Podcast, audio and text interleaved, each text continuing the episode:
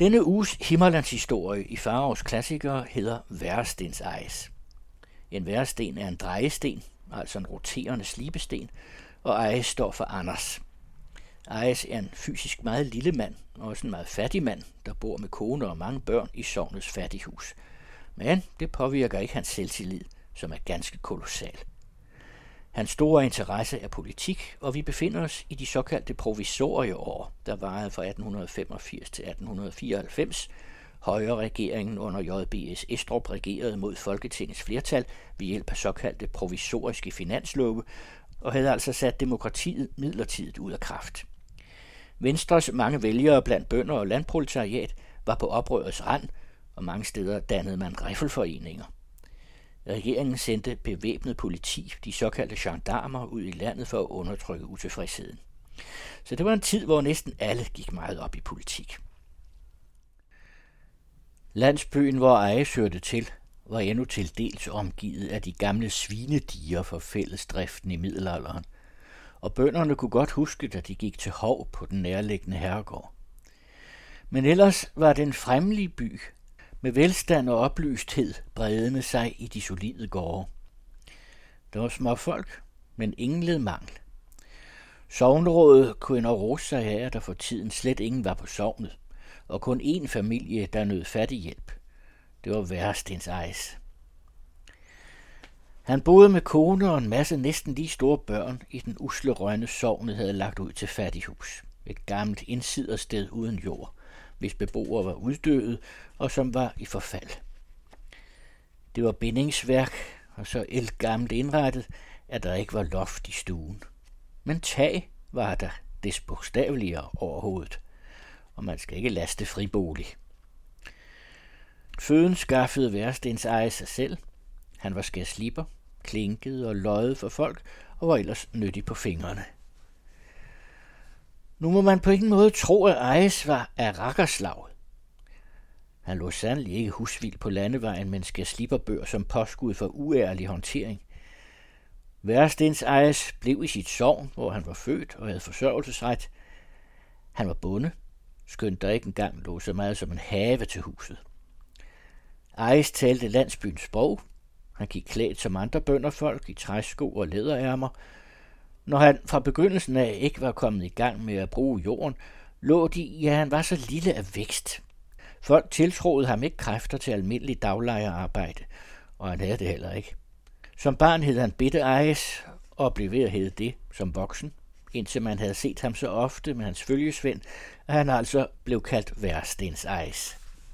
Når der ikke var noget at gøre hjemme med bold, drill eller kit, drog Ejes på rejse ud i omegnen med sine sliberemedier.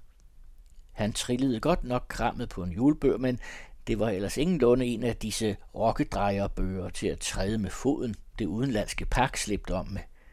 Ejes medførte en ordentlig væresten med tro og et sving, som det var en af hans drenge betroet at drage. Ejes slibesten var af den rivende slags, der spruder flamme og kan høres viden om. Hjemmekendt værk, som folk tillidsfuldt kunne overgive deres stikknive og andre skærende apparater til. Eis havde ikke, når han var ude på rejse, og kom siden hjem med bøgeren fuld af bliktøj og skårede potter til reparation. Familien slog sig ret godt igennem, i alt fald om sommeren. Sliberiet drev Ejes som et mysterium, og fik han udleveret et finere redskab, tog han det højtidligt under behandling fra en ende af. Først skulle kniven stenes, have den grove omgang på væresten, så skulle den vedes, hvilket blev gjort i hånden på en blødere sten og med spyt. Men slutlig måtte den hånes, og den sidste henåndende forkælelse af æggen, og denne foretogs på en oliesten. Et klenod ejes bar på sin person og vede med det hemmelighedsfulde indhold af en apotekerflaske. Så bed redskabet også et hår imod vinden og var næsten blevet for god til sit brug. Når Ejs havde sådan en kunstydelse for, der kunne tage ham det meste af en dag, tav han hårdnakket, som tur kun himlen være hans vidne. Om det så var manden selv i gården, fik han ikke aflukket ejsens stavelse, så længe det vigtige arbejde stod på. Hvad de forstod sig jo ikke på den finere slipning. Arbejdet betalte sig naturligvis ikke så godt som bare at stene en slagtekniv, så vand og ild mængede sig forståeligt. Det kunne være grødmave gøre. Men Ejes undte sig nu kunstslibningen som sin egen private forlystelse. Få anede, hvilke gaver mandslingen sad ind med. Ingen kendte Ejs. Det nagede ham ikke. Hans kone vidste det. Hun var dværg. Hun og børnene vidste besked om mandens storhed.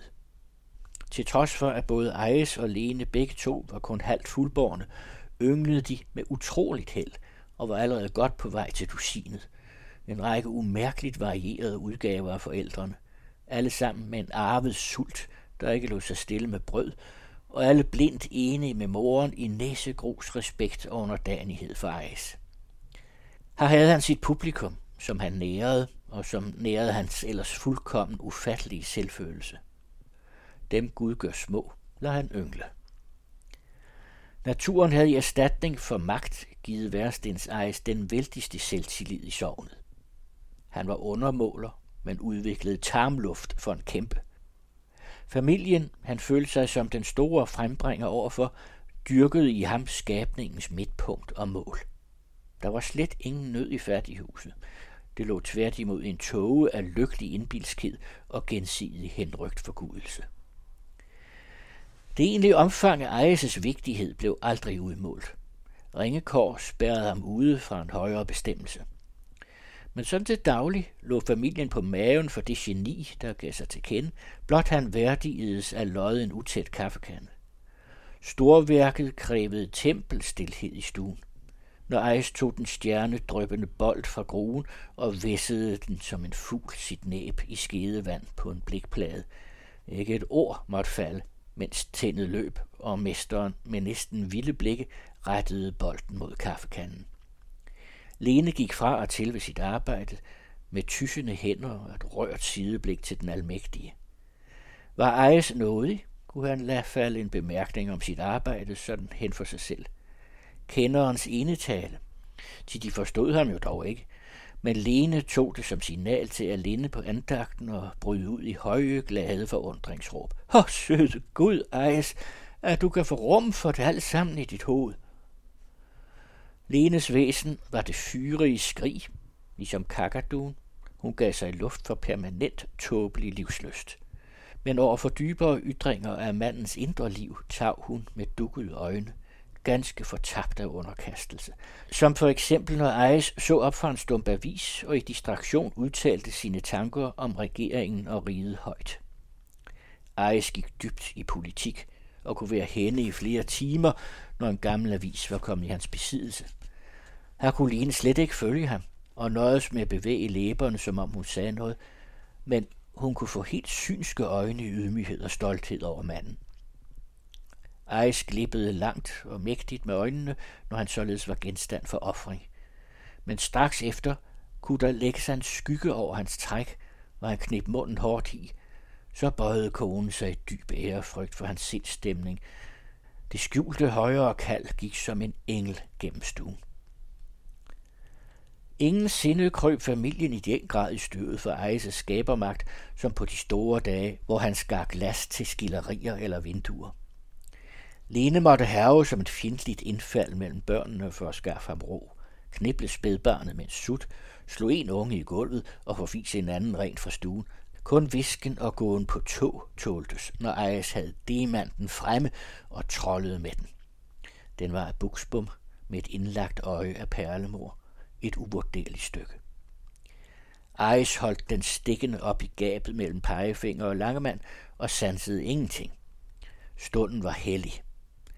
Først gik Ejes over glasset med enden af en finger langs linealen, for at demanten ikke skulle tage skade af støv, og derpå skar han tys, så glasset gav sig og knirkede under den hårde stift. Varsomt brækkede han pladen over og studerede det grønne snorlige brud, nikkede alvidende og lagde glasset til rette på en ny led, fnysende så småt af ånden, der var over ham. Hente den ulykke af et af børnene af vandvarer gav et kny, nedlagde Ejs arbejdet med et smerteligt, såret blik til Lene og satte sig ned med hånden på panden. Hvor længe lidende til Lene gennem almindelig afstraffelse af hele afkommet og mig en beklagelse og lokken for manden fik ham stemt blid igen. Gudstyrkelsen i hjemmet prægede Ejes med indesluttet værdighed, når han var mellem fremmede. Han bevægede sig med en ubeskrivelig tyngde i sin holdning og en svanger mine, som afhang klodernes gang af hans indvendige dele.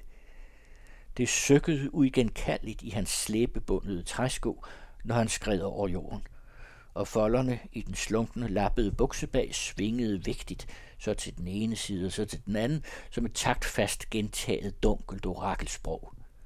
Ejes udtrykte meget af sit væsen med enden. I øvrigt var han en ordknap mand.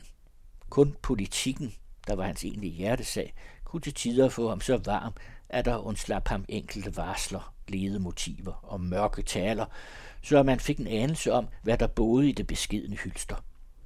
Apotekeren på egen lå en gang falden bemærkning i hans nærværelse, et håb om et eller andet, der slet ikke havde en politik at gøre, at det sker vist ikke i det her ministerium, sagde Eje så pludseligt. Man havde stødt til det fulde kar. Forbavset ville apotekeren vide mere, men Ejes var allerede gået. Træskoene søkkede, og folderne i buksebanen vrikkede fra den ene side til den anden som en skæbne. Den dag mente Lene, at en højtid på Ejes pande og af visse betydningsfulde ord han lod sig afnøde, at kunne forstå, at manden nu endelig var begyndt at sætte de store stolen for døren. Både angst og glad følte hun, at tiden var nær. Og det var bevægede tider. Bønderne var netop dengang beskæftiget med at samle sig i opposition mod regeringen. Løsnet var modstand mod militærvæsenet, og til fremme for protesten var man endnu kom så vidt, at nogen forskrev et halvt dusin rifler fra England, mens andre lod sig nøje med hjemmevæbning. Afsnittet i vores politiske historie er bekendt, også hvad end det tog, for det sovns vedkommende, der her taler om, kvaltes oprøret uden blodsudgydelser af to gendarmer. Men for Ejes betød rejsningen og den almindelige politiske hede sjælen i blomst. Mens røret for mange og større folk nærmest fik afløb i ord, bidrog Ejes for sin part med handling. Han sleb alle stikknivene i sovnet. Det var ham, der løjede en gammel sabel, som var skilt ad i altet, og han klinkede alle de krus og tekopper, der gik i skår på stormende vælgermøder. Han arbejdede som i en feber i de dage. Lene frygtede for hans forstand, men den holdt. Så kom valget. Det var en begivenhed, fordi kredsen første gang fik sin radikale folketingsmand. Men spændingen var på forhånd udløst, i det der ikke var opstillet mere end den samme kandidat. Egnens befolkning var så anerkendt krigersk sindet, at provisoristerne end ikke forsøgte modkamp. Kandidaten var sikker på valg ved kåring. Samme kreds har også siden altid gjort sig bemærket ved enstemmighed i alle politiske afgørelser. I kåringen lå det betydningsfulde moment for Ejes. Han var også til valg, dog ligesom tilfældigt. Værestenen stod bag ved ham som et retrætepunkt. Men Ejes vidste godt, at han ikke havde stemmeret. At han nød fribolig af det offentlige, betragtede han som en slags fin anerkendelse af hans fortjenester, en nationalgave, men der fulgte ikke stemmeret med. Hvis det derfor var kommet til skriftlig afstemning, havde Ejes måtte gå hjem som martyr for en inhuman lovgivning. Så vidt kom det imidlertid ikke. Kåringen fandt sted som en behagelig formalitet, i det dirigenten bad forsamlingen række armen i vejret for den eneste kandidat, der var. Alle arme kom op. Under lydløs tavshed så dirigenten sig om på denne skov af arme. Der fik han øje på en eneste tilstedeværende ude i udkanten af forsamlingen, der ikke rakte armen i vejret. Dirigenten tøvede. I det samme svang manden, og det var Værstens ejes, tungt og bestemt sin lille arm op sammen med de øvrige. Et øjeblik efter erklærede dirigenten folketingsmanden for valgt, og hurraråb rystede luften. Under bifaldsstormen trillede Ejes af med sin sten. Flertallet havde slet ikke bemærket ham. Kun et par gårdmænd lige ved havde vendt sig om og betragtet værstensmanden halvt med munterhed, halvt med ynk. Hjemkommen til Lene og børnene satte Eje sig ned og spurgte, om der var kaffe. Lene turde ikke frit ham ud, men lysnede. Jo, der var kaffe. Hun vidste ikke alt det gode, hun ville gøre for manden. Hun mærkede, at han var glad og begyndte at slippe høje fugleskrig ud. Fest og løg i hytten. Om sider lækkede Ejes af sig selv, gav bænken et klemt med bagen og pulsede tobaksrøg fra sig. Og fik ham da så sat igennem. Gjorde du, udbrød Lene og sank i knæene af taknemmelig grebethed. Er sandt? Ejes blinker flere gange klogt igennem røgen og nikker umærkeligt, klapper pibelåget op og i igen, ser hen for sig, nikker afgørende. Lene synker om på en stol. Ah, der gid Gud velsigne dig, Eis. Nå, forklarede Eis siden, sådan antydningsvis. Det stod og tegnede til alt slags, men jeg ville nu have ham valgt. Dirigenten så sig skam omkring efter mig, og så gjorde jeg udslaget, og de råbte hurra for mig. Her samlede Ejes brystet fuld af luft og afsluttede i en beskeden syngende tone på godt bogsprog. Og var jo tungen på vægtskålen. Lene skreg ud af halsen i triumf som en papegøje. Men kort efter, da hun så et dumt udtryk samle sig i mandens træk, skyggen, den store selvopoffrelse, tog hun mod til sig og viskede forklaret. Det skulle jo have været dig, de valgte. Dertil svarede Ejes ikke, men sad længe med næsten lukkede, sidrende øjenlåg, hvorunder det hvide i øjnene skimtedes. Visdommens og forsagelsens udgrundelige maske.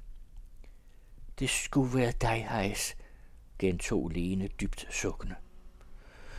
Og kan ske, havde hun ret.